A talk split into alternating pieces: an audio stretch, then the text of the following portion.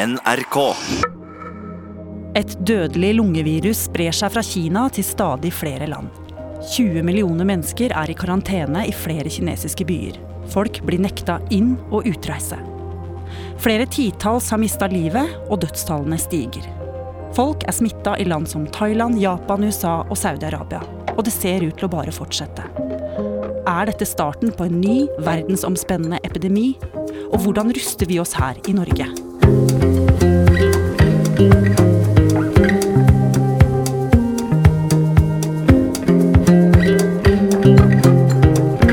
hører på Oppdatert. Jeg heter Ragna Nordenborg. I desember så merka flere og flere av de som bor i byen Wuhan i Kina, at de begynte å bli syke. De hosta, fikk feber, og noen fikk også pusteproblemer. Og folk begynte å bli bekymra. Hva er det det her kan være for noe? Ida Tune Øritsland er journalist her i NRK og produsent i Oppdatert. Så forskerne fant ut at mange av dem hadde et virus som heter koronavirus.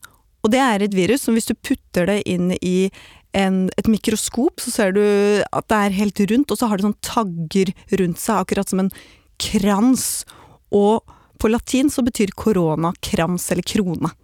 Og dette koronaviruset, hva er det som er så spesielt med det? Jo, det er potensielt kjempefarlig, fordi det viruset de fant nå, er beslekta med sars-viruset som skapte hysteri i 2003. SARS-viruset er i ferd med å skremme folk over hele verden. Nå frykter enkelte leger at vi kan stå overfor en ny spanskesyke som kan drepe millioner av mennesker. SARS-viruset spredte seg over nesten hele verden og ble dødelig i 26 land med over 700 døde. Og noen år seinere kom MERS-utbruddene, som også var et koronavirus. Ja, det er et koronavirus, et forkjølelsesvirus med opprinnelse fra Midtøsten. I Sør-Korea har de siste ukene ni personer mistet livet og over 100 blitt smittet av virussykdommen MERS. Og da er det ikke så rart at kineserne, når de nå oppdager nok et koronavirus, blir ganske bekymra. Så de siste ukene har kinesiske myndigheter vært kjemperedde for at de har fått et nytt dødelig koronavirus som potensielt sett kan ta livet av fryktelig mange mennesker. Ja, og det kan spre seg over hele verden i verste fall. Og da, så fort det går over flere kontinenter, så har du det som heter en pandemi. Og det blir jo litt sånn som i 2003 med SARS-viruset. Og de siste ukene så har kinesiske myndigheter jobba intenst for å finne ut hvor smitten kommer fra, hvordan den smitter, og hvor farlig denne versjonen av koronaviruset er. Og hvor begynner de? De begynner med å finne ut av hvor smitten kommer fra. Og da må de jo se på alle de som er sjuke, og finne ut av hvor har de vært, hvem har de møtt, og hva er det de har til felles. Now, officials in China think they know where the virus originated. Og det de finner ut, er at smitten kommer fra et fiskemarked i Wuhan. Et marked hvor det selges ville dyr, krokodiller, ulvevalper, påfugler og slanger. Og vi vet ikke akkurat hvilke dyr smitten kommer fra. Det står forskjellig i forskjellige medier. Noen skriver at den kommer fra påfugl, andre skriver at uh, smitten kommer fra slange. Men smitten kommer herfra, og kinesiske myndigheter stenger markedet. Så det kinesiske myndigheter tror, er at mennesker har blitt smitta av disse dyrene på dette markedet, og at når de da stenger det ned, så har de stanset spredningen. Men sånn er det ikke, for nå begynner de virkelig dårlige nyhetene å komme. 各街道社区也在进行地毯式消杀，加大防疫。 For det som skjer, er at en mann på 61 år fra Wuhan, som sikkert også har kjent seg dårlig i det siste, hosta og hatt feber, han dør. Og så viser det seg at han har koronaviruset. Og da vet de at det her er dødelig. Og samtidig så ser de at alle de som er smitta, ikke har vært på markedet. Og da vet de en annen viktig ting, at det her ikke bare smitter fra dyr til mennesker, men også fra menneske til menneske. Men hvor lett smitter det, lurer jeg på. Altså, er det sånn at hvis jeg står ved siden av en som har denne smitten, så blir jeg også smitta? De vet ikke, og det er det de jobber med å finne ut av akkurat nå. For det er jo kjempeviktig å vite smitter det via luft, altså bare ved at jeg er ved siden av deg, eller må jeg kysse på deg eller drikke av samme kopp? Og jeg snakka med Arne Broch Brandsæter, som er overlege ved infeksjonsmedisinsk avdeling ved Universitetet i Oslo, og han sa det her. Vi vet ikke eh, hvor smittsomt dette viruset er i dag, men vi tar høyde for at det kanskje er mer smittsomt enn det det synes å være per i dag. Når vi spiller inn denne podkasten, har viruset spredt seg fra Kina til flere naboland, bl.a. Thailand. Det er også meldt en med smitte i USA, og i Australia tror de de har en som er blitt syk av viruset, og han holdes i isolasjon hjemme hos seg selv. Ved flyplasser flere steder i verden sjekkes alle som kommer fra Wuhan for feber og andre symptomer. Og helsemyndighetene i Kina ber alle som er i Wuhan om å ikke forlate byen, og så sier de at ingen bør reise dit heller. Ida, hva er det siste nye nå fra kinesiske myndigheter? 17 stykker er nå døde, og en ny millionby er stengt ned. Og så er det Verdens helseorganisasjon som lurer på om de skal kalle det virusutbruddet her en internasjonal krise. For hva skjer hvis de gjør det?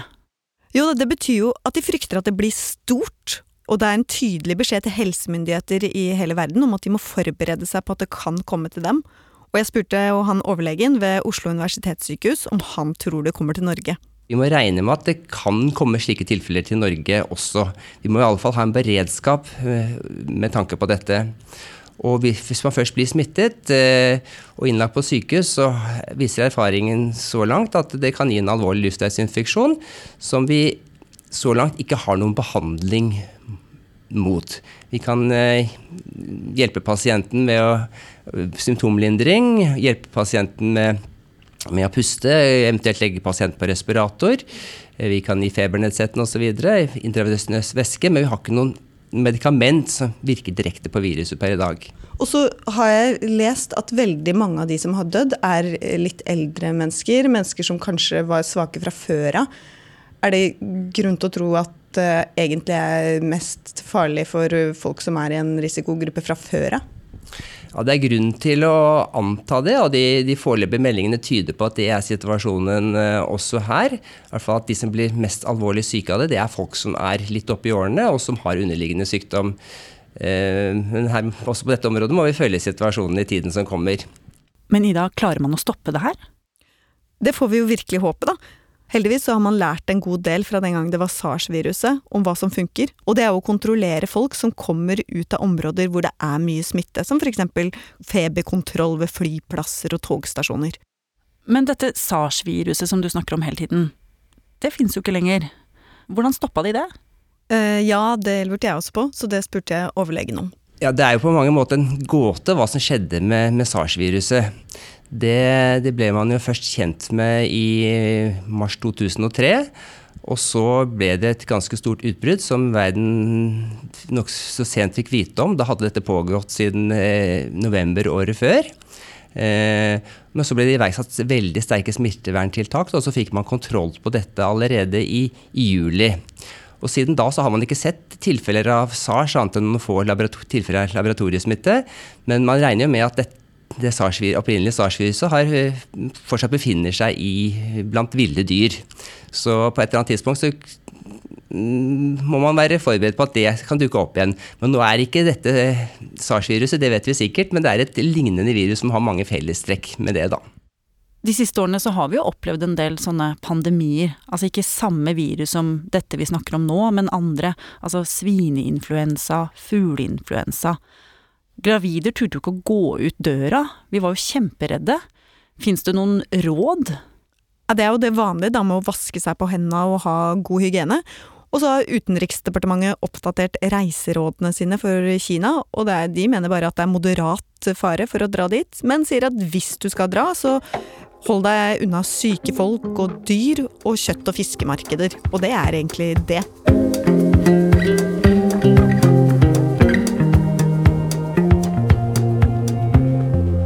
Oppdatert lages av Katrine Nybø, Jaran Ree Mikkelsen, Stian Kallekleiv, Natasha Arthur, Ida Tune Øretsland, Petter Sommer og meg, Ragna Nordenborg.